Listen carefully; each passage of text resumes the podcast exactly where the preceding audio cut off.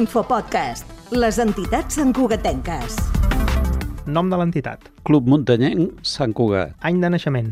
1944, Nombre de socis. mm, 2000. On us podem trobar? Ens podeu trobar al carrer Sant Bartomeu 11 de Sant Cugat o bé a l'adreça electrònica cmsc.cat. Avui parlem amb... Joan Bel, president del Club Muntanyenc Sant Cugat,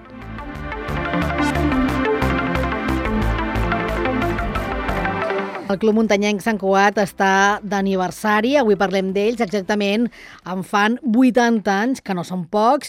L'entitat va néixer el 1944 com una entitat d'origen muntanyenc i 80 anys després s'ha anat evolucionant en una entitat que ofereix un gran ventall d'activitats de caràcter cultural, esportiu i pedagògic, amb la voluntat de fomentar la cohesió popular, l'ecologisme i l'amor per la muntanya i el medi natural. Realment va ser una iniciativa d'un grup de gent d'aquí de Sant Cugat que en un moment determinat, doncs diguéssim, van crear un club aquí independentment del de Barcelona. Gent que tenia molta estima per la muntanya i moltes ganes de fer coses i a partir d'aquí doncs la cosa va anar evolucionant. I al llarg d'aquests 80 anys d'història, el club ha crescut conjuntament amb Sant Cugat, esdevenint una institució central i històrica dins la vida associativa i popular santcugatenca.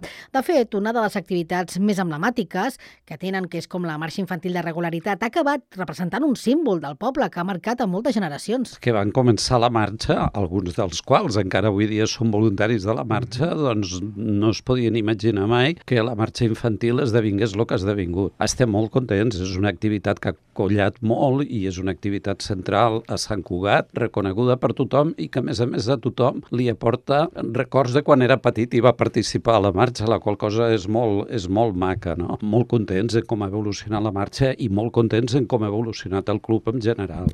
Però la seva vinculació amb la vida santcugatenca va molt més enllà de la marxa, també més enllà d'aquests 2.000 socis i sòcies que actualment formen part de l'entitat, perquè el Club Muntanyenc es considera sobretot una entitat oberta a la ciutat i amb voluntat de col·laboració amb la ciutat. Nosaltres hem estat sempre molt vinculats a les activitats de Sant Cugat. De fet, el club ha estat implicat en moltes iniciatives. Per exemple, aquest any, que ha estat l'any de la Sardana, Sant Cugat ha estat la capital de la Sardana, doncs el Club Muntanyenc va ser un dels iniciadors de l'activitat sardanista aquí a Sant Cugat. Va ser la primera entitat que va tenir un col·lectiu de sardanes. Vull dir que en aquest sentit sempre ha estat molt vinculat a les activitats del poble i ha tingut una presència popular molt clara en aquest sentit.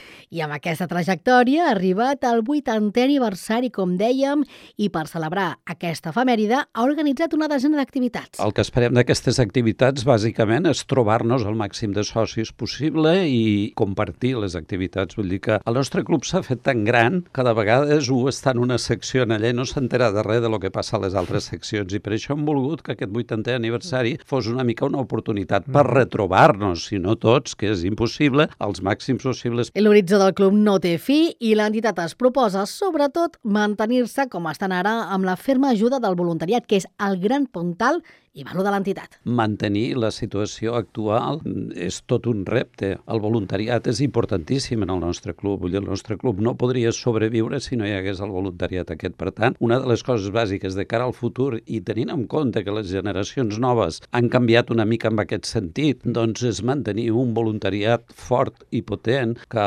permeti que el club segueixi endavant amb totes les seves activitats. I tot plegat és possible perquè l'entitat gaudeix d'un bon estat de salut i el seu futur no perilla. L'Infopodcast és una producció de Ràdio Sant Cugat i la xarxa.